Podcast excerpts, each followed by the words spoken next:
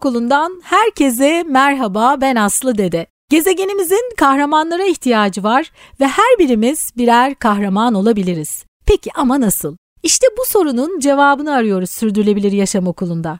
Konuklarımız bize yol gösteriyor, harekete geçmemiz için bize esin kaynağı oluyorlar. Tüm canlılarla birlikte dünyada yaşamın sağlıkla sürmesi için Birleşmiş Milletler 17 tane küresel amaç belirledi. İşte bu 17 küresel amaç Sürdürülebilir Yaşam Okulu'nda bize rehberlik ediyor, yol gösteriyor. Bugün yine çok çok değerli bir konuğum var. LC Waikiki Çevresel Sürdürülebilirlik Grup Müdürü Arzu Konyalı bugün konuğum. Hoş geldiniz efendim. Hoş bulduk, merhabalar. Masal gibi girdiniz. E, yani e, mümkün olduğu kadar etkileyici olmaya çalışıyoruz evet, bu konuda. Çok teşekkür ederim, sağ olun. Şimdi e, sizinle 2018 yılında Yeşil Çocuk podcast serisinde 2018 yılında ilk defa buluşmuştuk. Evet. E, o zaman bize çok güzel bilgiler vermiştiniz.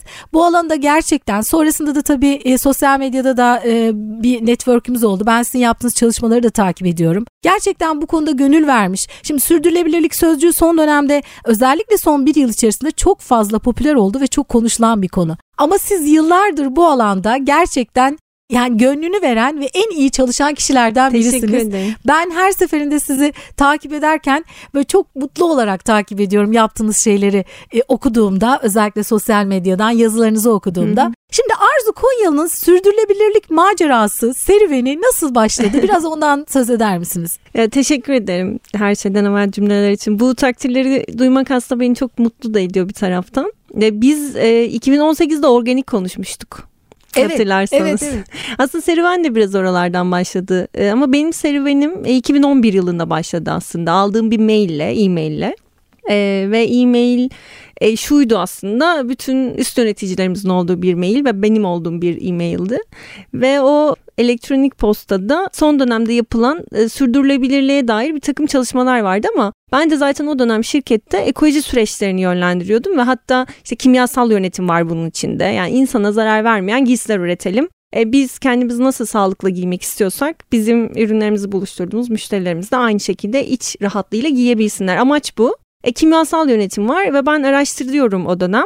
Ve diyorum ki yani bu aslında kimyasal yönetim olmamalı. Bu bir bütün. Sadece ürün değil bunun içerisinde çevre de var. Biz bunun adına ekoloji diyelim. Hatta ilk bu öneriyle gittiğimde ya ekoloji çok çok geniş bir kavram. Biz bunu yapabilir miyiz soruları, düşünceler falan yok. Yani ekoloji değil. Ekoloji daha kapsayıcı falan. E, buralardan başlayan bir serüven aslında benimkisi. Yani biraz insanları ya- yardım etme değerimin de çok yüksek olduğunu düşünüyorum. Böyle yapılan çalışmalarda da ortaya çıkan şey bu. Yani birileriyle aslında bir ürün buluşturuyorsunuz ve aslında sizi hiç tanımıyorlar. Ama siz o kadar gönül rahatlığıyla işte mağazaya gittiğinizde ya da sizin çalıştığınız markanın ürünlerini giyen insanlarla böyle buluştuğunuzda diyebiliyorsunuz ki ya rahatlıkla bu ürünü giyebilirsin. Bak ben yapıyorum. Ben arkada bunları bunları kontrol ediyorum. Böyle başlayan bir iş aslında sürdürülebilirlik benim için ve bence dünyada da biraz böyle başlamış bir şey. Yani son dönemde en azından son 10 yılı böyle. Çünkü o kimyasal yönetim, kimyasalların yasaklanması, insan sağlığının ön plana çıkması, organik, organik süreçler, organik yiyelim, organik giyinelim. Ee, böyle başlayan ve beni de böyle yıllar geçtikçe işin içine sokan, daha nasıl olabilir, hangi rapor varmış, kim neyi yapmış, yurt dışında ne olmuş, hangi işte sosyal platform neleri çalışmış diye işin içine girip girip girip burada kendim için bir anlam buldum ve insanlara aslında ben bunu aktarmalıyım dediğim ve şirkette de hiç böyle bir rolüm olmamasına rağmen bir grup oluşturduğum adına da SY2 Aware dediğimiz ve böyle anlattığımda ya sen bu grup içinde olmak ister misin? Ya evet ben de bu grup içinde olmak istiyorum diyen kişilerin olduğu ve biz aslında rollerimizin dışında biz şimdi ne yapalım da bir araya gelelim ve bir araya geldik şimdi şirkete bunu nasıl yaygınlaştıralım? Nasıl böyle bir etki oluşturalım dediğimiz ve Lunch and Learn etkinlikleriyle birlikte sürdürülebilirlik şudur budur diye şirketi anlattığımız, benim çevremi anlattığım ve çok güzel bir böyle kar topu oldu aslında benim için. E, güzel de oldu. Ben, benim bir noktadan sonra serüvenim ve yolculuğum oldu. Şimdi e, hem beni yakın tanıyan arkadaşlarım, çevremde olanlar hem şirket içinde ya bir yerde sürdürülebilirlik kelimesi geçiyorsa işte Arzu Konyalı var gidin ona sorun olunuyor. Ve bu herhalde benim en çok sevdiğim kariyer yolculuğumdaki e, durum. yani e, sürdürülebilirlik. Benim de sürdürülebilirlik yolculuğum böyle başladı ama diğer taraftan da Biraz bence yetiştirilmeyle de alakalı. Ben buna da çok inanıyorum. Aile içinde de mesela benim annem e, aslında otantik bir sürdürülebilir kadın bence.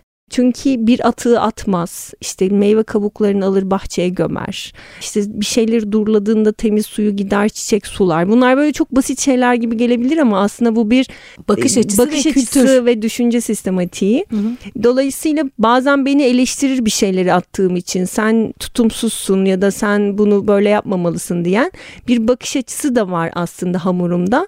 Dolayısıyla ben oradan da çok tetiklendiğimi düşünüyorum zaman zaman biraz üzerine düşündüğümde ama şu an içinde olduğum süreçten son derece memnunum. Yani e, şu an arzu olarak bu işin içinde olmak, her yaşta insana bunu anlatmak, işte bir iş sürecinde bunu konuşuyor olmak bana inanılmaz keyif ve motivasyon veriyor. Şimdi aslında biraz e, e rahatlamışsınızdır çünkü ilk başlarda herhalde konuştuğunuzda ne diliyor, ne diyor bu deli kız diyorlardır size. e, çünkü hakikaten yani ee, söylemesi zor, sürdürülebilirlik, yazması zor, evet. anlatması zor. Şimdi çok fazla konuşuluyor ama anlamını bilerek konuşan da çok evet. fazla kişi yok. Ama hani siz o dönemde dediğinizde belki biraz daha falan aman ne diyor bu diye bakıyorlardı ama biraz ben seviniyorum ki pandemi de biraz e, bunu e, tabii birçok olumsuz etkisi olmakla birlikte en azından bu alana bu daha çok değer verilmesini sağladı. Sanırım biraz daha rahat anlaşılıyorsunuzdur artık diye düşünüyorum. E, kesinlikle bununla ilgili çok güzel bir e, anım var aslında. Her yerde de anlattım. E, ben e, şirket içinde sürekli sürdürülebilirlikle ilgili işte rapor bulup paylaşan böyle bir gruba ilgili ilgisiz, ilgili olduğunu düşündüğüm, rolü var ama rolü yok. Yani hiç fark etmez. Böyle sürekli paylaşımlar yapıyordum. Bir günde ölen balinalarla ilgili bir paylaşımda bulundum. Belki bunu dinlerler bilmiyorum bu podcast'i dinleyince gülecektir. Orada da bir e, arkadaşımız, yönetici arkadaşımız tabii şimdi e, tekstil sektörü aslında çok stresli de yani çok hızlı akan yine böyle bir sürü stresin olduğu bir gün. Geldi dedi ki Arzu biz nelerle uğraşıyoruz? Sen dedi neyle uğraşıyorsun? Balinalarla uğraşıyorsun dedi. ya burası tekstil sektörü. Balina bizim ne işimize yarayacak? Yani bana diyor ki kibarca bana böyle e-mailler yollama.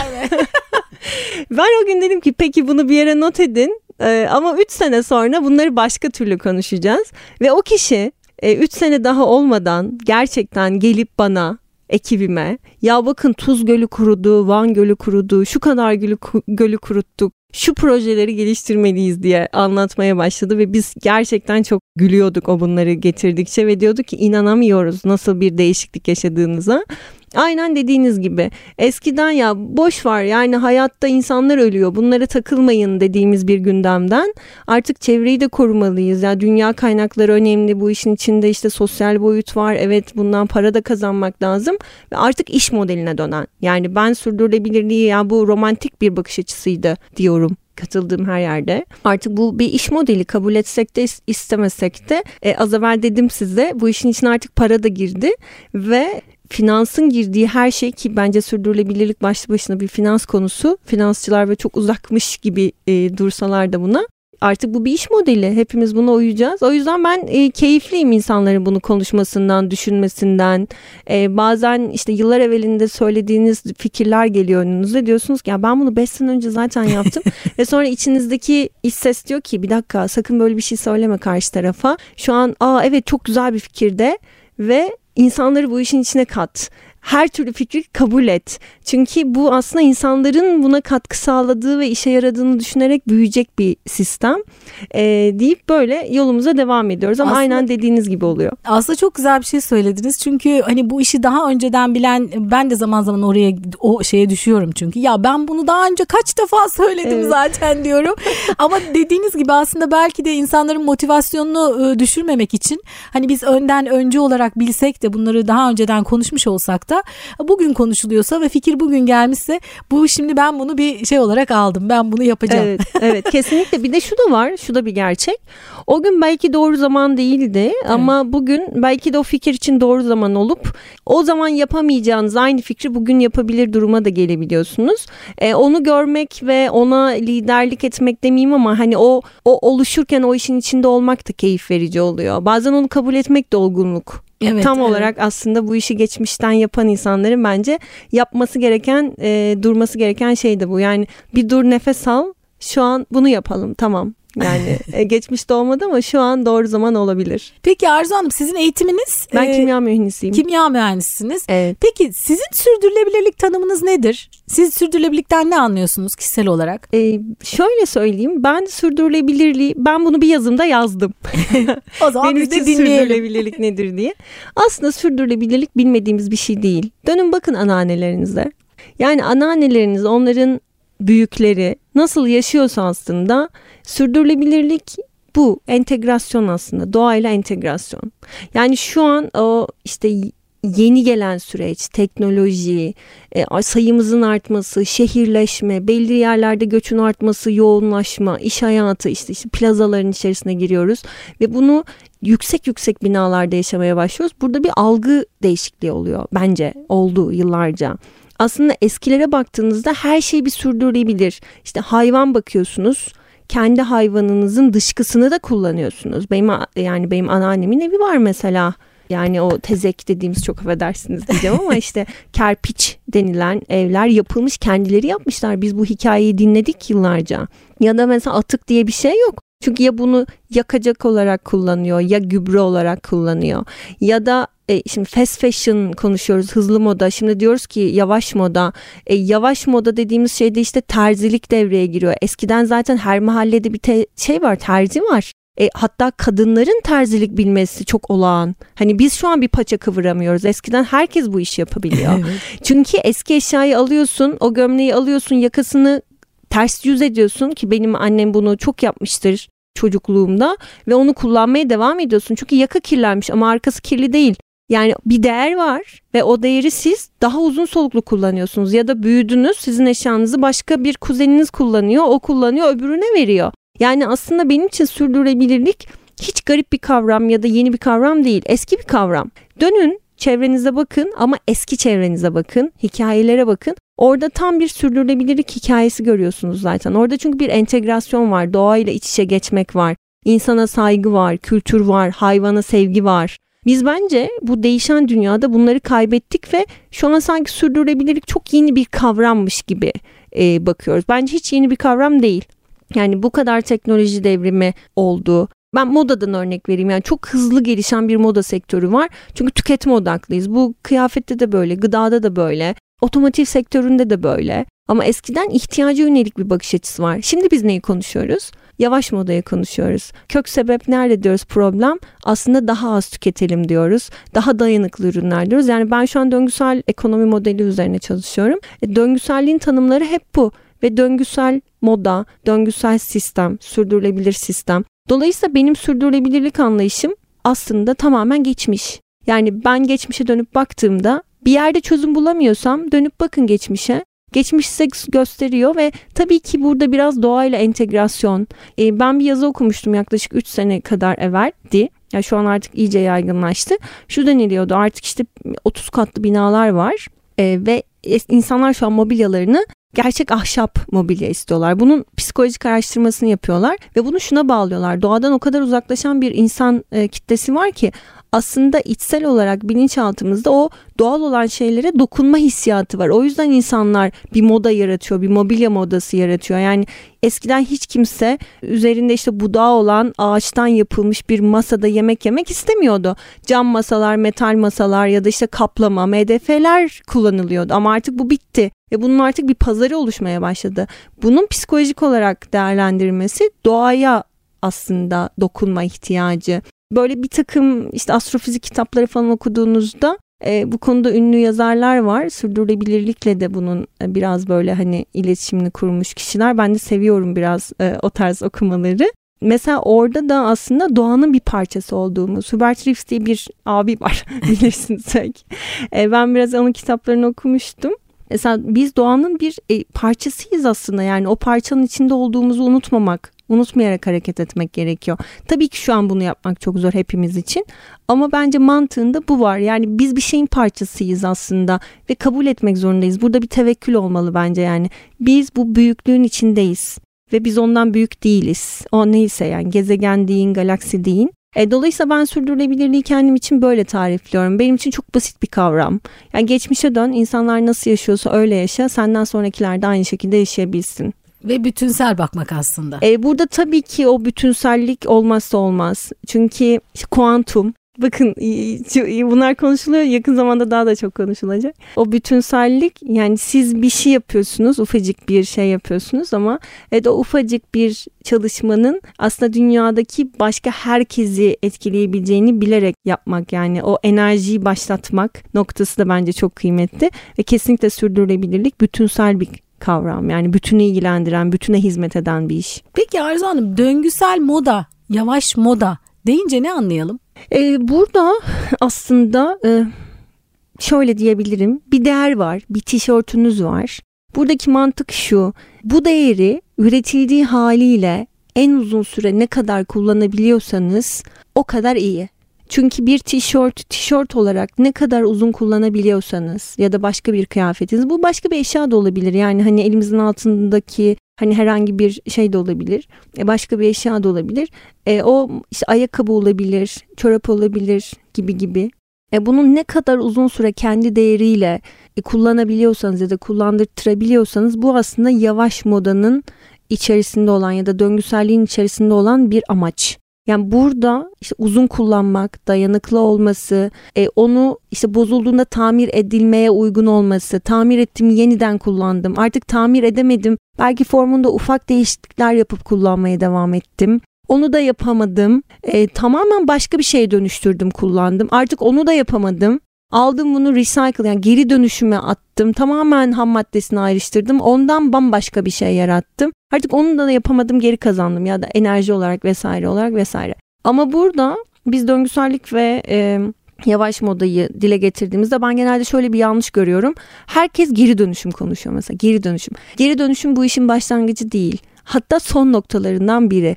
Yavaş modada ya da döngüsel modada daha ürün tasarlanırken yani ben bunu uzun soluklu nasıl kullanırım ya da uzun soluklu kullanılması için nasıl bir tasarım yapmak üzerine bir bakış açısıyla tasarlanmış bir üründen başlayan, böyle bir fikirle başlayan ve bunun gerçekten uygulamasında da bunu devam ettirebildiğiniz moda aslında bu. E, bugün tabii ki hızlı moda markaları biz dahil bu işi dönüştürmeye çalışıyoruz kendi içimizde. Bu çok kolay bir dönüşüm de değil herkes çünkü çok alıştı normal düzene. E, ama yavaş yavaş yavaş yavaş ki bence bu yavaş böyle parabolik olarak hızlanarak devam edecek. E, daha işte dayanıklı ürünler, daha zamansız ürünler, daha mesela daha düz renkler, daha tek komponentli, monokomponentli ürünler. Çünkü mesela bir ürün yapıyorsunuz şu an geri dönüşüm aşamalarından mesela bir örnek vereyim. Bir ürün var bir kıyafeti dönüştüreceksiniz. %100 pamuklu bir pantolon bu çok güzel ama dikiş iplikleri polyester. Şimdi siz bunu alıp dönüştürdüğünüzde o dikiş ipliği orada sıkıntı yaratıyor. Çünkü o polyesterin onun içerisinde olmaması lazım. İşte birilerine oturup, oturtup onları ayrıştırma ihtiyacı ol, oluyor olması gerekiyor. E, bu ne? Bu bir aslında kaynak kaybı. O zaman baştan ne yapmak lazım? Bir şeyi full polyester yaptınız ya da full pamuk yaparsanız alırsınız onu geri dönüşüme götürürsünüz. Geri dönüşüm konuşuyorsanız pıt diye geri dönüşümünü sağlayabilirsiniz. Şimdi artık biz o tasarımcılarımızın gözünden, tasarımdan başlayan, o fikirle başlayan o süreçleri aslında empoze etmeye, onları e, o anlamda bilinçlendirmeye çalışıyoruz ve genel olarak bence sektörün içerisinde bunlar da artık sıkça konuşulmaya başlandı. Eko tasarım, işte sürdürülebilir tasarım. Dolayısıyla yavaş moda ve döngüsel moda dediğimiz şey sürdürülebilir tasarımdan başlayan ve o yarattığınız değerin en uzun süre kullanımını aslında hizmet eden ne varsa yaptığınız hepsi o şeyin içerisine giriyor. Yani o kavramın içerisine giriyor. Aslında benim çocukluğumun e, şey, yaşadığım dönemde hani hakikaten az alırdık ama uzun uzun evet. kullanırdık. Hem işte ayakkabı için de geçerli evet. ya da e, giysilerimiz için de geçerli. Şimdi aslında biz tabii bu arada 2018'den sonra zaman zaman sizinle sohbet etti, ettiğimiz Hı-hı. zamanlar oldu.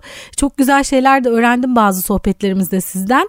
E, şimdi mesela e, şeyi konuşmuştuk yani tekstil ürünlerinin e, geri dönüşümü için özellikle Türkiye'de böyle bir sanayinin gelişmediği yani o, o kullanılmayan tekstil ürünlerinin yeniden işte bir şekilde kullanılabilir hale gelmesi ya da ipliğe dönüşmesi belki hı hı. ya da kumaşa dönüşmesi gibi bir e, sanayinin henüz gelişmediğini ama hani bunun buna da ihtiyaç olduğunu gibi bir şeyler sizden hı hı. duyduğumu hatırlıyorum. Hatta sonrasında hem bunu soracağım şimdi şu şu anda Türkiye ve dünya bu durumda ne durumda bu, bu konuda? Hem de e, bana bir konuşmamızda şey demiştiniz. İşte artık Aslan'ın biz şey yapıyoruz. İşte önceden e, koleksiyon e, yaparken tasarımcılar koleksiyonu yapardı. Sonra biz o koleksiyona göre ipliğini işte rengini vesaire e, oluştururduk. Şimdi biz bir de şöyle bir koleksiyon hazırlıyoruz. Elimizde zaten e, geri dönüştürülmüş e, şeyler var. İşte kumaşlar Hı-hı. var ya da iplik ya da nasıl evet. e, doğrusu her neyse. E, onlardan yola çıkarak yani bunu nasıl değerlendirebiliriz diye e, koleksiyon geliştiriyor tasarımcılarımız Hı-hı. diye.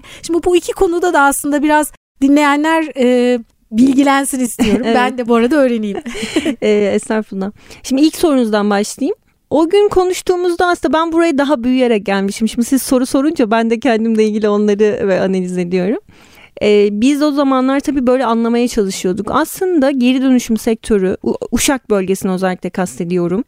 Ee, aslında çok uzun yılları varmış. Yani bu iş aslında yapılıyormuş ama bu işte şeffaf bir şekilde yapılmıyormuş, izlenebilir değilmiş. Yani e, özellikle 2015, 2016, 18 işte pandemi, özellikle ki pandemi sonrası artık markalarda buna çok fazla odaklanınca e, buralarda daha şeffaf, daha sistematik olan, daha kalite güvence sistemleri kurulmuş artık işletmeler var aslında geçmişi var bu işin. Yani bu tekstil atıkları atılmamış. İnsanlar bunu çöpe atmış. Bunun değerini bilen almış. izolasyon malzemesi olarak kullanmış. Döndürmüş işte keçe yapmış kullanmış ama bizim şimdi hani ileri dönüşüm, geri dönüşüm dediğimiz kıstaslar o dönem bunlar çok konuşulan terimler e, değil ülkemizde. Ama artık bunlar var. Yani bir şeyi ne kadar iyi değerlendirdiğiniz var. Dolayısıyla şu an aslında bakıldığında Uşak bölgesi özellikle Türkiye'de ve işte Antep işte Tekirdağ bölgesi keza. Artık e, bu konuya odaklanmış toplayıcılar, dönüştürücüler çok fazla işletme görüyorsunuz.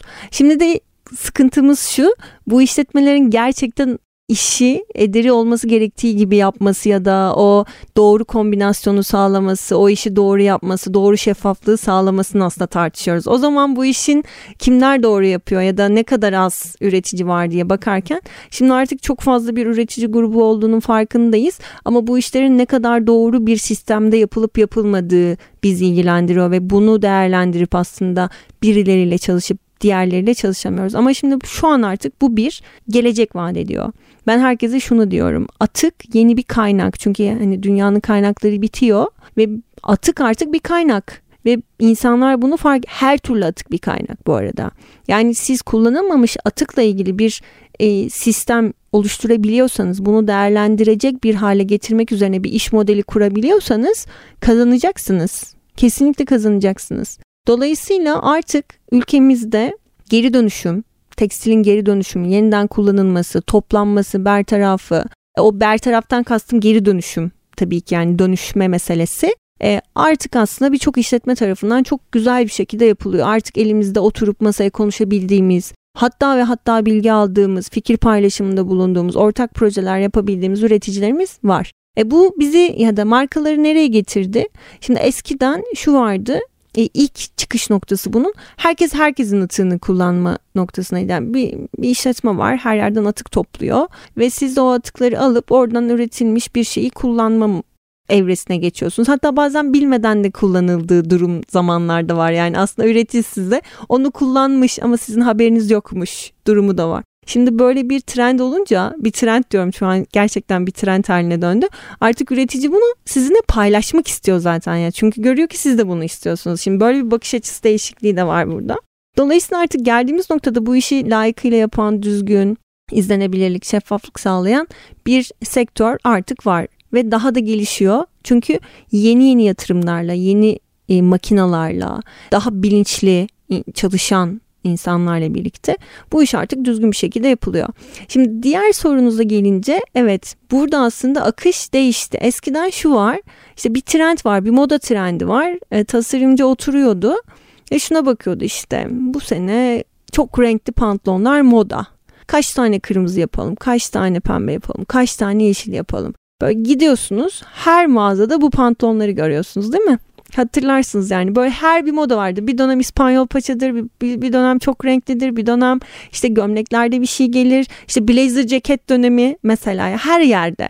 Şimdi artık şu var o moda yine takip ediliyor ama geçmişte ve hala tabii ki devam eden normal sürecimiz e, biz bir ürün tasarlamak istiyoruz. E, ürünü tasarladık. Bunun için ne kadar ham madde gerekli? Hangi tedarik zincirinde ne tür bir çalışma yürütülecek? Bunlar planlanıyor. Benim bu kadar ham maddeye ihtiyacım var deniliyor ve gidiyor o ham madde bir yerden karşılanıp süreç başlıyor. Şimdi e, eğer ki bir şeyi topladık, dönüştürdük, bir öncekine bağlayacağım. Eskiden şunu söylemiştim.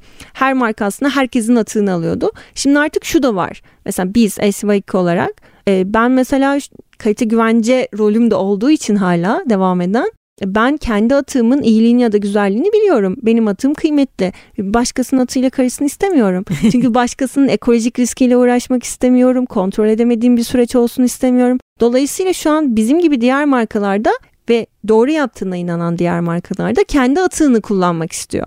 Biz de mesela önce kendi içimizde bir dönüşüm sağlama noktasında bir sistem geliştirme çabası içerisindeyiz. Bunu böyle yavaş yavaş da yapıyoruz. Realize ettiğimiz ürünlerimiz de var. Şimdi bu var bunu bir yerde park edelim. Şimdi bununla birlikte de ne oluyor? Diyorsunuz ki benim şu kadar atığım var. Ve bu işte pamuk dönüşümünden bahsedelim. İşte şu kadar kırmızı renkte pamuğum var. Şu kadar sarım var. Şimdi eskiden ben şunu yapacağım git bu kadar boyat şu kadar ürünü boyat o ham maddeyi al vardı. Şimdi bunu kullanmak istiyorsanız artık düşünce sistematiğiniz tersten işlemeye başlıyor. Diyorsunuz ki benim elimde şu kadar kırmızı var. Ben bu kırmızıyı nasıl, nerede, nasıl konstrüksiyonunu nasıl değiştirebilirim kumaşın? Ya da tasarımını nasıl dönüştürebilirim ve ben bunu nasıl kullanabilirim? Ama o tonajdaki, o miktardaki aslında ham maddeyi alıp ona göre bir sipariş yönetimi sistematiğine geçiyorsunuz. Şimdi bunlar hibrit sistemler. Bir süre hibrit gidecek. Tabii şu da var e, bu işin ilerisi. Şimdi herkes e, dışarıdan ithal etmeye çalışıyor. Atık atık bulmaya çalışıyoruz artık aslında gibi bir durum oluştu. Bu da doğru bir yaklaşım değil. Günün sonunda tüketme odaklı baktığınız sürece sürdürülebilir bir iş yapmıyorsunuz. Marka olarak yaptığınız iş kendi içinde döngüsel ve kaynak yönetimini sağladığınız sürece aslında gerçek bir sürdürülebilirlik oluyor. Dolayısıyla benim müşterim recycle istedi diye e, sonsuz bir recycle ham madde arayışına geçmek ve sistemi bu şekilde dönüştürmek de sürdürülebilirlik olmuyor. Siz kendi atığınızı ya da kendi kullandığınız ham maddeyi bu virgin olabilir hani geleneksel olabilir ya da olmayabilir fark etmez ee, azaltma yoluna gittiğiniz ya da kendi içinde dönüştürdüğünüz sürece yani o tüketimi azaltma ve kendi içinde daha kat KDV'li diyeyim yani katma değerli ürettiğiniz sürece aslında anlam ifade ediyor. O yüzden e, dediğiniz sistemleri evet artık konuşuyoruz. Yani bizim şu kadar atığımız var. Bu atıkları ne kadar tutalım, ne kadar arşivleyelim. E, sonra alalım bunları nasıl kullanalım. Tersten akan bir süreç var. Düzden akan e, sürecin devam etmesiyle birlikte. Ama tabii yavaş yavaş da artık şuraya getiriyoruz. Bir dakika ben bu recycle'ı kullandım başka bir problem geliyor mesela moda sektörü için. Artık bunları ikinci recycle etmem gerektiğinde e, bunların kalitesi de düşüyor. Çünkü elyaf boyutları kısalıyor gibi gibi sıkıntılar var. Yarın müşteri bunu kullanmak da istemeyecek. Peki ben ne yapacağım? Şimdi artık bu ikinci, üçüncü step recycle malzemeler. Pamuk recycle örneğinde veriyorum burada. Hani dinleyicilerimiz de yanlış anlamasın. Sentetiklerde bir tık durum çünkü farklı. E, şimdi artık bunları da konuşmaya başladık. Yani aldık, kendi ürünümüzü dönüştürdük, recycle yaptık. Şimdi biz bu recycle yaptığımız ürünleri yarın yeniden dönüştürmek istersek ne yapacağımız kısımları da artık moda sektörü aslında konuşuyor. O yüzden böyle hibrit sistemlerin bir araya geldiği, böyle bir iç içe geçtiği ama her zaman söylüyorum ben içeride de dışarıda da hani şirket içinde de şirket dışında da bakış açımızın bence kesinlikle sürdürülebilirlik odaklı olması gereken artık bir moda sektörü var ve bence çok kıymetli arkadaşlarımız da var yani hani çalışan bu bakış açısında olan akademisyenler de keza böyle yavaş yavaş bir dönüşüm içinde olduğumuzu söyleyebilirim iki sorunuz için. Evet aslında tasarımcılar için de bu yeni heyecan verici ve böyle yaratıcılıklarını geliştirici e, bir şey aslında. Evet. Hani elindeki malzemelerle ne yapabilirim? Evet. Hani o da bir başka yaratıcılık e, motivasyonu sağlayıcı evet. bir şey dinleyenler şeyi anlayamayabilir. Şimdi atık denildiğinde e, pek çok kişinin kafasında çöp geliyor. Çöp. yani bir tekstil atı... hoşlanmıyor hiç evet. çöp demekten. Yani değil mi ya çöp de yani çöp. mesela pet şişeden yapılan şey mi giyeceğim gömlek mi giyeceğim evet. diyenleri duyuyorum ben. Evet, evet. Ee, şimdi bu arada tabii e, yurt dışında bildiğim kadarıyla gelen konuklarım da paylaşıyorlar e, zaman zaman. Aslında çok büyük üretim yapan e, firmaların atıklarını değerlendirecek bir ayrı bir üretim tesisi de kurup hı hı. yani kendi atıklarından o aslında hani belki başka bir yere vermeyip de aslında hı hı. onu da ayrıca bir onun da sanayisini kendi içinde yaratıp Hı-hı. üretimini yaratıp e, buraya doğru da bir gidiş var evet, bildiğim kesinlikle. kadarıyla. Ki ACVK için de belki bu mümkün olabilir çünkü yani oldukça evet. e, yaygın bir markadan söz ediyoruz. Şimdi dinleyenler bir tekstil atığı deyince ne anlamalı? Hani siz şimdi e, elimizde e, kırmızı pamuk var, yeşil pamuk var, mavi pamuk var dediniz. Hı hı. Şimdi aa demek ki atıklar sonra pamuk haline mi geliyor? Yani nasıl nasıl oluyor? Yani bir pamukludan bahsedelim. Bir pamuklu evet. tişört atık olup da sonra size geldiği zaman nasıl ham madde oluyor? Tekstilde o dediğiniz atın ham maddeye dönüşmesi dediğimizde ne gibi şeylerden bahsediyoruz? Hani bir düğme de mi olur hı hı. veya ne olur yani? Ya tabii ki aslında bütün ürünlerinizde kullandığınız her türlü bileşen bizim için bir atık, üretim atığı baktığınızda. Ama tekstil örneğinden gidelim. Siz bir tasarımcısınız, bir tişört tasarladınız. Beyaz düz bir tişört düşünün. %100 pamuk olsun ki bu en güzel atığını en sevdiğimiz ürün. en temiz olanı. en temiz olanı. Şimdi bu bir kere bunu tasarladığınızda bunun bir kumaş formu var her şeyden evvel. Yani burada bir örülen ya da dokunan bir kumaş var. Ve siz bu kumaş formunu alıp kalıba koyup kesiyorsunuz. Ve o kestiğiniz bir atık var. Yani yıllarca o işletmenin çevresinde eskiden alınıp işte insanlara dağıtılıp al bunu yak denilen atıklar bunlar. Yani biz bir gerçekten servet yakmışız yıllarca. Şimdi mesela bunlar birer atık, kumaş parçaları. E, iki tipe ayırmak lazım. Bir ürün olan atıklar yani kullanım sonrası yani sattınız, kullanmadığınız işte evinizde işte bazı annelerimizin toz bezi yaptığı diyelim. Bir o grup var. Bir de işletme e, yani o daha operasyon üretim sırasında çıkan atıklar var. Şimdi burada bir atık çıkıyor. E, o kumaş daha dokunurken kumaş fresinin atıkları var. Yani dokuma esnasında çıkan atıklar var. iplik atıkları var. Sonra boyamaya sokuyorsunuz kumaşı. Kumaşı boyarken ki atıklarınız var işte düzgün boyanmayabiliyor tamir sonrası illa bunun önü ardında üretimin önü ve ardında bir takım atıklar olabiliyor. Oradan çıkıyor kalıba sokuyorsunuz kesmeye giriyor. Kesmede bir takım atıklar çıkıyor. Bunlar bizim pre-production dediğimiz yani o ön üretim üretim aşamasında oluşan tekstil atıkları bunlar aslında kumaş parçacıkları ya da e, giyilmiş eskimiş giysiler gibi düşünün ama bu iki grubu aslında ayırmak lazım. Şimdi ben üretim atıklarımızdan başlamak istiyorum daha net olması için. Biz bu üretim atıklarını konfeksiyon üreticilerimizin toplamasını istiyoruz belirli sistemlerle.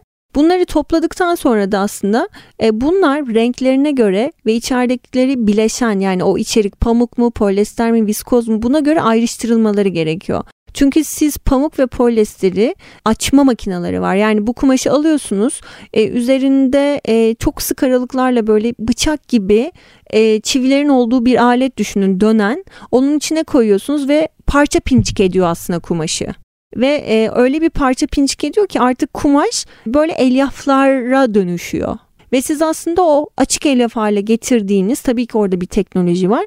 O açık elyaf hale getirdiğiniz şeyi yeniden önce iplik formuna dönüştürerek sonra o iplik formundan dokuyarak yeniden bir kumaş ve normal yine sürecinizde katarak devam edebiliyorsunuz. Aslında bizim üretim öncesi tekstil atıklarımız bu. O kumaş parçalarının alınıp rengine göre, içeriğine göre ayrıştırılıp ki burada ciddi de bir insan işçiliği var. Yani insanlar bunu e, çünkü maalesef her şey çok karıştırılıyor. Mesela biz ne yapıyoruz bunu önleyebilmek için her bir modelimizi kendi içinde toplanmasını istiyoruz üreticimizden ki bunlar o her bir modelin kendi atığı başka bir atıkla karışmadan gitsin ayrıştırılması kolay olsun. daha kolay olsun Hı-hı. diye.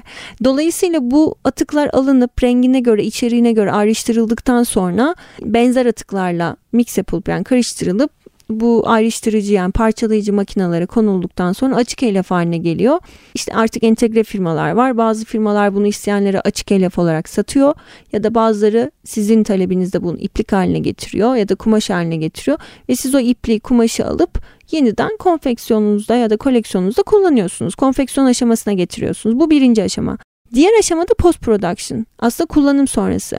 Yani işte ürün giydiniz, şişmanladınız, kullanamadınız. Şimdi artık ben bakıyorum insanlar birbirine de veremiyor. Yani işte hijyenik de nedenler ya da bir başkasının kıyafetini kullanmak istemiyor. Kullan, kullanılmak istenilmeyen ürünler var.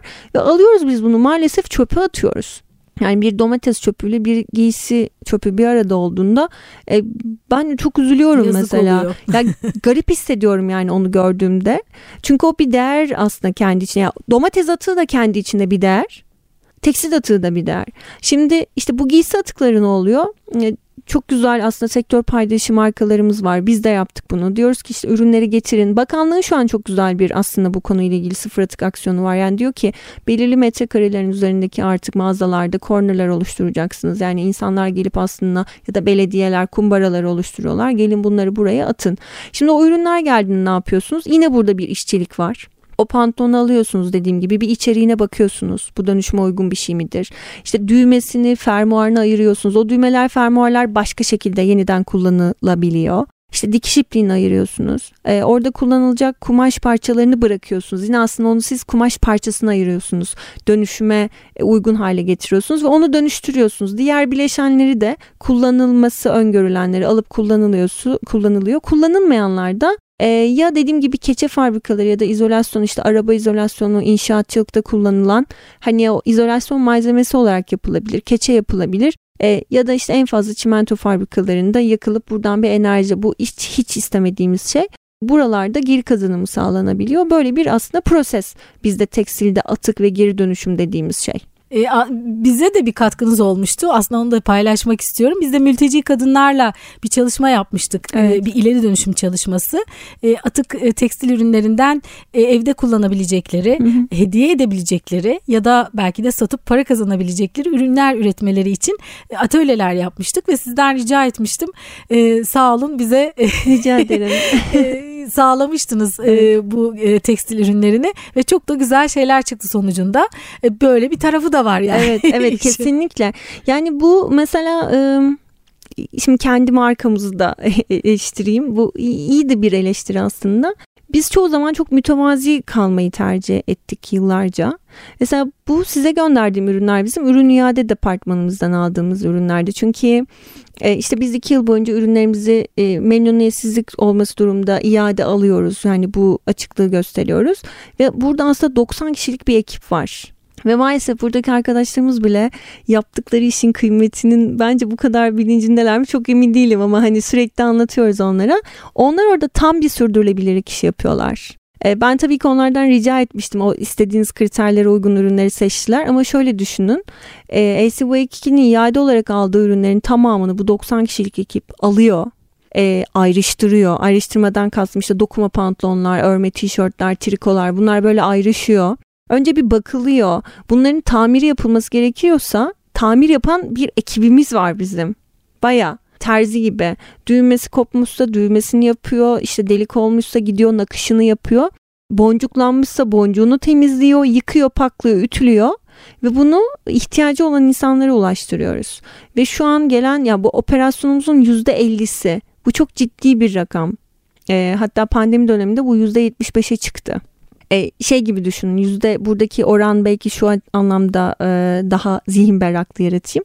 Şimdi biz her şeyi aldığımız için hani total rakam üzerinden bütün rakam üzerinden bakıyoruz. Burada ne var işte kozmetik de var ayakkabı da var çanta var bunların tabii ki dönüşümü çok kolay değil. Ama giysi ürünlerini kendi içinde %75'ini dönüştürebiliyoruz. Toplamda da bu %50'ye tekabül ediyor gibi düşünebilirsiniz rakamsal olarak. Ve bu tam bir sürdürülebilirlik konusu aslında. Yani biz bir tişörtün ya da gelen o ürünün tamir işlemini yaparak aslında e, onun daha fazla daha fazla kullanılmasını sağlıyoruz. Burada çok güzel bir sürdürülebilir iş modeli kurulmuş farkında olmadan yıllarca.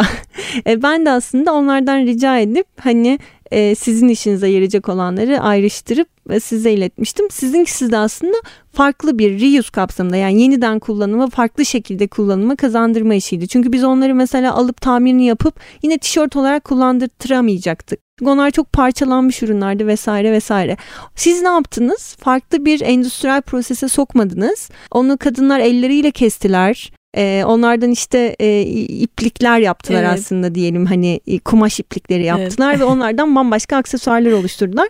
Bu da işte işin diğer bir boyutuydu. Olması gereken ikinci stepiydi gerçekten. O da çok doğru bir sürdürülebilirlik modeliydi ki mülteci kadınlarla yapmış olmanızın sosyal bir sürdürülebilirlik anlamında vardı evet, bence. o da çok güzel bir şey. Aslında o da algı ben hep hatırlatırım. Yani e, çorap eskiden yani e, eskimiş çoraplardan paspas hmm. yapılırdı. Evet. Öyle bir kültür vardı aslında. Yani çok, çok da uzak... eskiden de bu arada. Ha. Kilimler de çok eskiden kilimler de böyle dokunurdu. Çok çok eski teyzelere bakın kilimlerine böyle kilimler dokunmuşlar. Değil mi? Atık e, evet. şey e, kalmış kumaşlardan evet, bir araya getirerek. O bir kültürdü. O biraz tabii e, e, unutuldu ama çok da şey değil yani çabucak yeniden ben hatırladığıma göre çok yani yeniden e, oluşabilir diye düşünüyorum. Evet. E, peki bir de e, aslında tabii o kadar güzel anlatıyorsunuz ki böyle uzun uzun daha çok şey sormak istiyorum. E, hemen şunu da sormak istiyorum. Şimdi e, bir tişört e, e, üretilirken işte şu kadar miktar su kullanılıyor Hı-hı. deniliyor. Evet. Şimdi ben bunu geçen gün biz genelde 2700 podcast, litre.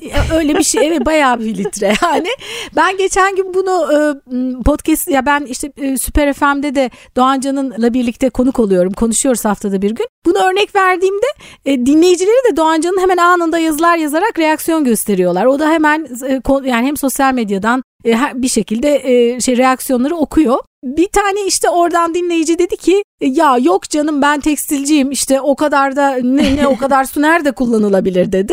E hatta Doğan Can da dedi ki ama işte belki siz farkında değilsiniz o kumaş eğer hani kumaş size geliyorsa onun bir de öncesi var dedi vesaire. Şimdi ben hazır karşımda bu konunun uzmanını bulmuşken e, Doğan Can'a da bunu yayında açıklayacağım siz de evet. öğrendikten sonra. E, ben çünkü hani ben orada şöyle demiştim hani araştırırsanız eğer hani biraz e, arama motorlarından araştırma yaptığınızda aslında süreçten hangi aşamalarda bu kadar çok su kullanılıyor onu görürsünüz mutlaka. Evet. Sonuçta bu hesaplanmış ve söylenmiş bir veri. Hani biz bunu atmıyoruz kafamızdan uydurmuyoruz. E, su ne kadar kullanılıyor tekstil üretiminde? Çünkü en çok kullanılan e, alanlardan biri diye biliyorum evet. değil mi? Şimdi e, ben şöyle başlayayım buna. e, su dünyadaki suyun sadece yüzde ikisi e, iki küsürü e, şey aslında kullanılabilir su. Yani aslında çok az bir su kaynağımız var. Bütün operasyonları düşündüğünüzde yani yaşam fonksiyonlarını vesaireyi düşündüğünüzde tatlı su olarak konuşuyorum. Şimdi en çok su kullanan sektörlere bakıldığında tarım birinci sırada. Evet.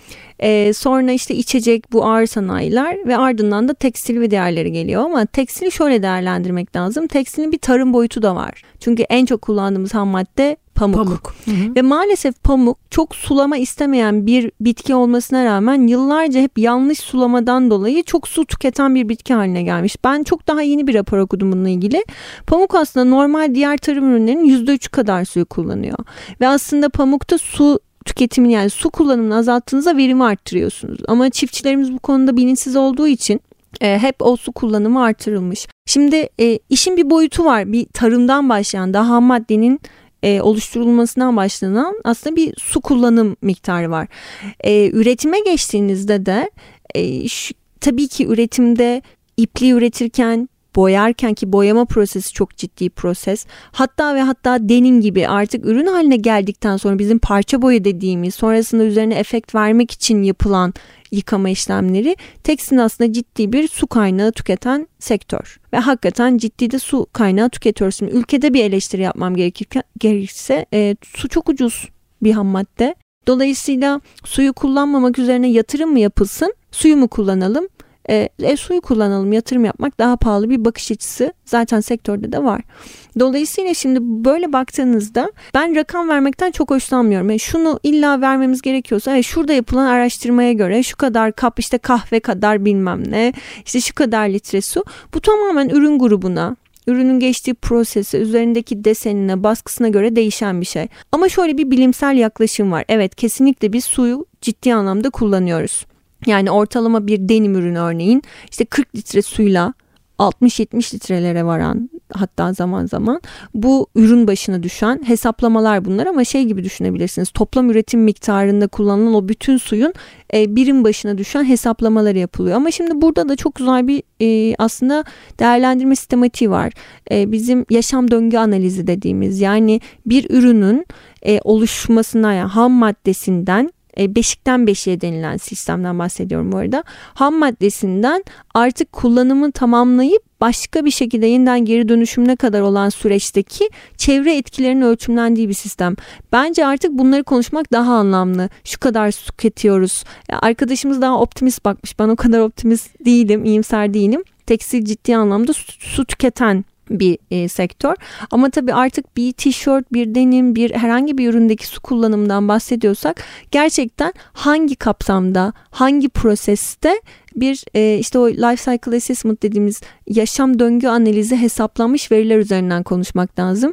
Ve bence işte bu sektörde yaygınlaşması lazım, üniversitelerde yaygınlaşması lazım. Yani bu e, normal bir e, aritmatik gibi bilmemiz gereken ve bir ürünün e, çevre etkisini değerlendirirken aslında konuşmamız gereken bir metrik ya da rakamsal veriler bu metrikten çıkmış rakamlar olması lazım. Böyle söyleyebilirim. Ve evet biz aslında çok su kullanıyoruz. Şu da var. Biz mesela şunu yaptık. İstanbul Teknik Üniversitesi öğrencilerimizi aldık. Tekstil mühendisliği öğrencilerini. Bitirme projesiydi. Ee, onlarla bir güzel bir çalışma yaptık. Keyifliydi de. Ee, benim de ekip arkadaşlarım orada görevli oldular ve çalıştılar. Mesela bir e, denim yıkama tesisine gö- götürdük onları. Denim yıkama aslında çok ciddi anlamda su kullanan bir tesis. Şimdi önce bir geleneksel yöntemle çalışmayı yaptırdık. Aynı ürün hiçbir şey değişmedi e, aynı e, ürünlere aynı geleneksel yöntemle bir çalışma yaptırdık. Sonra da döndük. Bunların hepsinin süreç haritalamasına yapıldı ve sonra döndük bunu tamamen sürdürülebilir olan bir yöntemle yaptırdık. E, ve şöyle çok güzel bir çalışma oldu ve burada da su ayak değerlendirdik. Su ayak izinde %83'lük bir fark oldu.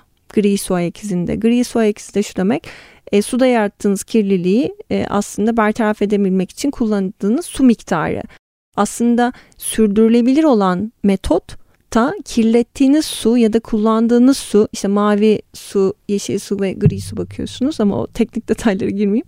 E, oralardaki su miktarları hem kullanımı azalttı hem de geleneksel metoda göre çok daha doğru ve daha güvenilir dediğimiz su yönetimini sağladı ve kirli suyu azalttı. Şimdi bunu gördüğünüzde işte artık sektörün şunu yapması gerekiyor ne kadar sürdürülebilir yapabilirim gelenekseli, ne kadar yapabildiğim kadar yapabilirim. Bunlar step step adım adım olacak şeyler. Evet kesinlikle bir su kullanılıyor.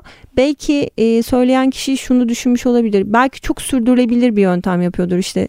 Bazen görüyorsunuz işte bir su bardağıyla denim yıkadık diyen e, hani iddialar var. Bunlar gerçek değil bu. Yani gerçek değil demiyorum. Gerçek yani bunların dayanakları var bunlar da var ama tabii genele yayılmış prosesler değil. Bir bu grup var Hani bu tarz çalışmalar var. Belki bu çalışmaları öngörerek bu bilgiyi vermiş olabilir. Ama geleneksel yöntemle e, kesinlikle su var yani. Su olmazsa olmazımız şu an. Peki e, sonuçta bu yaptığınız çalışmada sonuçta nihai üründe bir kalite kaybı hiçbir kayıp olmadı. Kayıp olmadı. Ve şunu yaptık orada da e, öğrenci arkadaşlarımız bunu bitirme tezi olarak sundular. Hocalarımız çok memnun oldu. Biz de şunu yaptık. Genelde sürdürülebilir ürünlerde şöyle bir ön yargı var bu işi bilen uzmanlar tarafında da bence müşteri tarafında da kullanıcılar tarafında da işte sürdürülebilir ürün daha e, kötü oluyor, daha fashion olmuyor, model modeli çok hoşumuza gitmiyor denilen bir kısım var. Biz her iki ürünü aldık, fotoğraflandırdık. Bunların tabii sunumları yapıldı. Hem sunuma koyduk yani daha fazla insanla buluşması için hem de fiziki olarak bir grubu topladık. Hangisinin sürdürülebilir olduğunu söylemedik. Koyduk dedik ki bunlardan hangisi gelenekseldir, hangisi sürdürülebilirdir. Çok önemli bir grup geleneksel olarak geleneksel yöntemlerle ürettiğimiz e, denimi sürdürülebilir olarak gördü. Efektlerine bakarak. Halbuki diğeriydi geleneksel e, sürdürülebilir olan. Yani onların hoşuna giden geleneksel dedikleri sürdürülebilirdi. Çünkü orada efektler daha iyi çıkmıştı çalışmada. Bu her zaman tabii ki böyle olmayabilir. Bunlar çok değişken şeyler ama şu ön yargıyı kırmak için söylüyorum. Yani bir şey sürdürülebilir, efekti çok iyi olmaz vesaire. Hani bunlar e, karşıdan ön yargıyla söylenmiş çalışmalar. Yani işin uzmanıyla doğru bir şekilde, üretimi doğru bir şekilde takip ettiğinizde, hakikaten bunu gönül vererek yapma niyeti, eylemle niyet farkı diyoruz ya. Hani orada eylem ve niyetiniz paralelse e, o işi yapabilirsiniz ve biz bunu akademisyenlerimizin olduğu, öğrencilerimizin olduğu ve birebir üretimde başında durarak yani üretimin başında durarak ispat ettik ve bunu bir üniversite tezi haline getirdik. Bizim anlayabileceğimiz şekilde söyler misiniz? Arada ne fark vardı? Yani süreç üretim sürecinde. Ee, şöyle mesela ne bir... anlasınlar yani onu daha sürdürülebilir yöntemlerle ürettik dediklerinde. Evet. Şöyle e, burada tabii sürdürülebilirlik dediğinizde çok fazla kriter devreye giriyor. Mesela normal bir denim pantolonu düşünün.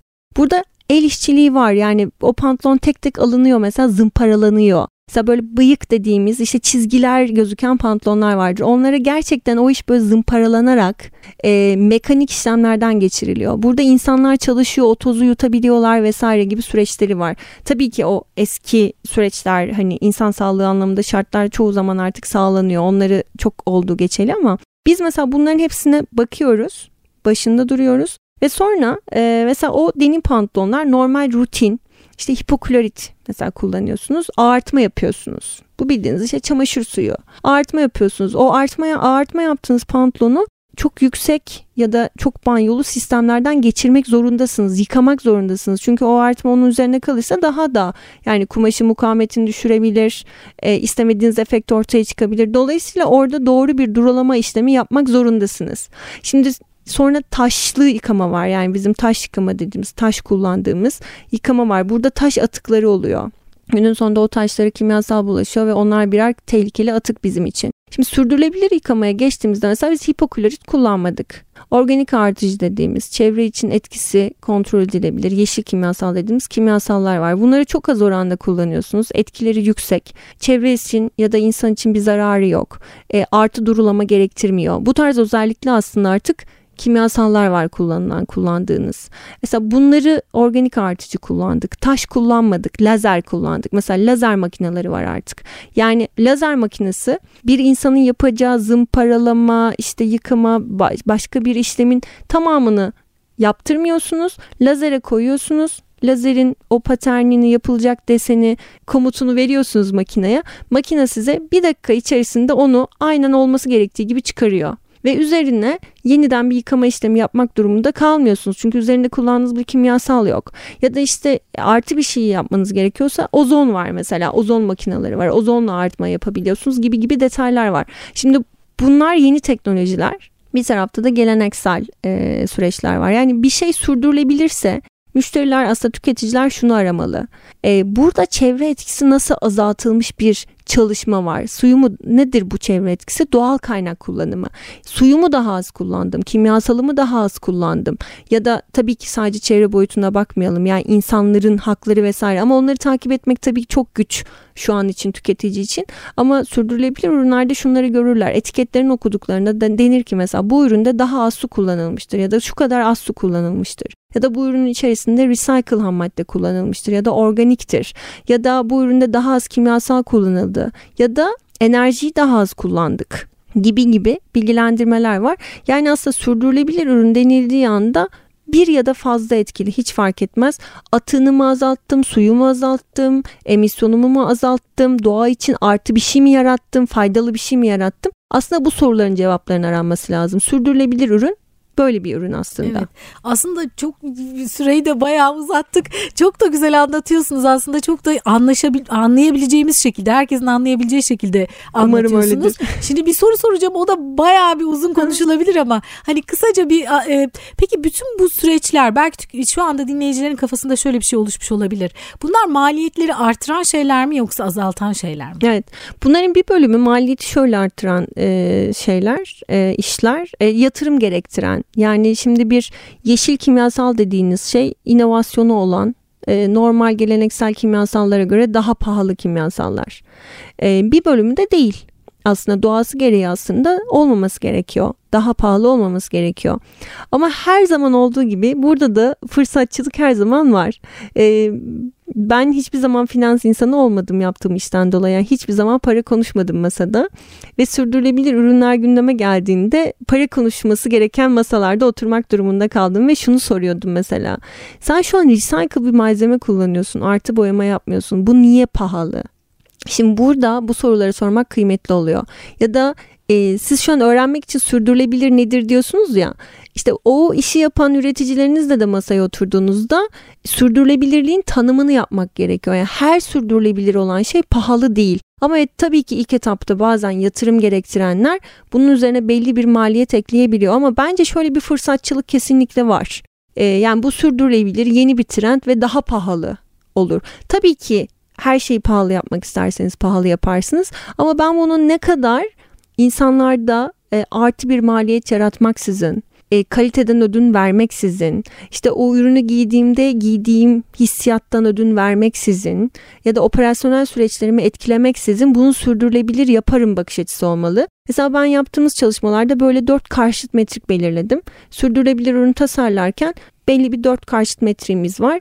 E, arkadaşlara diyoruz ki şimdi geleneksel metotla ürettiğin şöyle bir ürün var. Bir de sürdürülebilir ürün var. Fiyatı değişmemiş, termini değişmemiş, kalitesi değişmemiş, müşteri algısı değişmemiş. Sen şimdi bunun hangisini kullanmak istiyorsun? Alıştığı bir şey var geleneksel. Neden gelenekseli kullanmak istiyorsun? E, sürdürülebilir de aynı şeyi yapıyor. O zaman sürdürülebilirliği, o sürdürülebilir olanı tercih edeceğiz. Yani işte bunları böyle yavaş yavaş yavaş yavaş üreticiyle de yani sektörün de bilinçlenmesi gerekiyor tabii ki. Üreticiyle de oturup doğru bir tanımlama ile sürdürülebilirlik nedir tanımlaması ile konuşmak gerekiyor. Yoksa siz diyorsunuz ki üreticiye gidip ben sürdürülebilir denim istiyorum. Üzerine otomatikman kafada böyle dolar işaretleri şu kadar dolar eklenir diye bakıyor. Hayır yani belki de öyle bir sürdürülebilir ürün istiyorum ki hiçbir fiyat farkı olmayacak hatta daha düşük olacak. Ama ben hangi sürdürülebilirlik kriterinde ürün istiyorum? Önemli olan bu. Biraz bu terimleri, terminolojileri doğru kullanmak ve doğru yönlendirmek gerekiyor sektörü. Ben her zaman pahalıdır, pahalı olabilir ama bu genel olarak pahalıdır mantığını doğru bulmuyorum. Peki e, sürdürülebilir yaşam kültürü oluşması için yani yine böyle kısaca sizce nedir önemli olan kültürün oluşması için? Eğitim şart. e, yani bu görüşmeden önce de söylediğim gibi çocuklar bence burada çok kıymetli birer e, varlıklar. Ama ebeveynler, çocuklar, aile yaşamı yani toplumu bilinçlendirmek bence çok önemli. Yani buradaki bakış açısı, bakış açısına nasıl etki edebilirseniz etki etmemiz gerektiğini düşünüyorum. Ben hep aynı örneği veriyorum. İşte bir yerdeki çok yaşlı bir Ayşe teyzemiz elinde bir atık olduğunda ya da yolda giderken bir atık gördüğünde onu yerden alma hissiyatını içinde hissedecekse ya da bir atık olduğunda ya ben bunu buraya atmamalıyım aslında bunu ayrıştırmalıyım ve tabii ki onu toplayan belediyelerimiz de karıştırmayacak. Onları ayrıştıracaklar. bunları hissettiği zaman aslında bu sosyal farkındalık oluşmuş olacak. Bu da bence eğitimden, işte sanattan, okuldan, e, bu işe biraz gönül vermiş insanların çabasından e, geçiyor. Ve tabii ki bence burada devletimizin ya da işte ilgili yetkili kişilerin duruşları orada gösterdikleri vizyonda çok kıymetli. Yani toplum olarak bu dönüşümü sağlamak böyle 2010 yılında yapılmış bir araştırma var. Ben sunumlarımda bunu hep paylaşıyorum. Bir araştırma yapılıyor sürdürülebilirlik anlamında. E, kişilere soruyorlar farklı farklı ülkelerde. Mesela Kuzey Avrupa'daki kişiler diyor ki bir e, sürdürülebilir ürün pahalı olsa da aynı tişört hiçbir şey farklı değil. Ben e, pahalı olsa bile sürdürülebilir olanı tercih ederim. Çünkü biliyor işte o çevre bir gün ona dönecek. Yani bu içinde oturduğunuz evi pisletmek gibi aslında sürdürülebilirliğe kıymet vermemek. E, ama mesela Hin başka bir gruba soruyorlar. E, o grup diyor ki ya ben bunu bir statü olarak görüyorum alırım. Başka bir grup diyor ki ya bunların hepsi anlamsız şeyler yani bunlar da bir PR iletişim aracı ben bunlara inanmıyorum diyor. Başka bir grup diyor ki öğrenirsem uygularım. Şimdi öğrenirsem uygularım diyen grubun içerisinde Türk halkı da var. Hindistan da böyle mesela bu grupta. E, dolayısıyla demek ki bizim bazı şeyleri öğretmemiz Öğrenmeye de gerekiyor. Ihtiyacımız Öğrenme var. ihtiyacımız var. Öğrenme de nereden başlıyor? İşte takip ettiğimiz, model aldığımız insanların uygulamasından. Yani şimdi bir anne baba istediği kadar çocuğum çöpünü çöpe atma, ayrıştır desin. Kendi çöpünü attığı sürece e, bununla ilgili çok güzel kamu spotları da var bence bu arada. Yani çok başarılı kamu spotları da yapılıyor. İşte biraz bunu bence vurgulamak gerekiyor o sosyal farkındalığı sağlamak için. Çocuklardan başlayalım. E, ben çocukları e, size söyledim. Umudum çocuklar. Ee, çocukları Eko İklim Zirvesi'ne katıldığımda çocuklarla böyle e, daha yaptıkları projeleri görme şansım oldu. Gerçekten çok umutlu oldum. Yani o ufacık elleriyle yaptıkları tohum topunu bana anlatmaya çalışan çocuğun bende yarattığı duygu ve e, hissiyatı hiçbir yetişkin bence yaratamazdı. O yüzden onların bu fikirlerini görmek, öğretmenlerimizin bu konuda onları geliştirmeleri, e, kapılarını açmaları e, bence çok kıymetli, çok çok güzeldi. O yüzden ben çocuklara e, şu an çok inanıyorum ve sürdürülebilirliğin kesinlikle yürüyeceğini düşünüyorum. Peki e, son olarak e, sizin kendi yaşamınızda, kişisel yaşamınızda sürdürülebilirlik için dönüştürdüğünüz, değiştirdiğiniz alışkanlıklar var mı? Evet giysi almıyorum dermişim şu an. bir gi- tekstil üretim e, firmasında çalışan kişi olarak. e, yani tabii ki bir taraf e, bu sektörün içerisindeyim ama çok doğru söyleyebilirim. e, bunu. Son dönemde ihtiyacım olan giysileri alıyorum. Gerçekten ihtiyacım varsa alıyorum. Yani artık işte kadınların çok ıı, şeydir ya ayakkabı, ayakkabı, ayakkabı. Ben de çok mesela ayakkabı düşkünü bir insandım. Ama böyle birkaç yıldır kendimde şunu görüyorum. İhtiyacım olmayanı almama eğilimim kesinlikle var kendi içimde dönüştürdüğüm böyle bir şey var. Sonra e, hani konuşmanın başında da söylediğim gibi yani daha doğaya dönüş bende çok eskiden beri var olan bir şeydi. Yani beni tanıyan bütün arkadaşlarım bilir.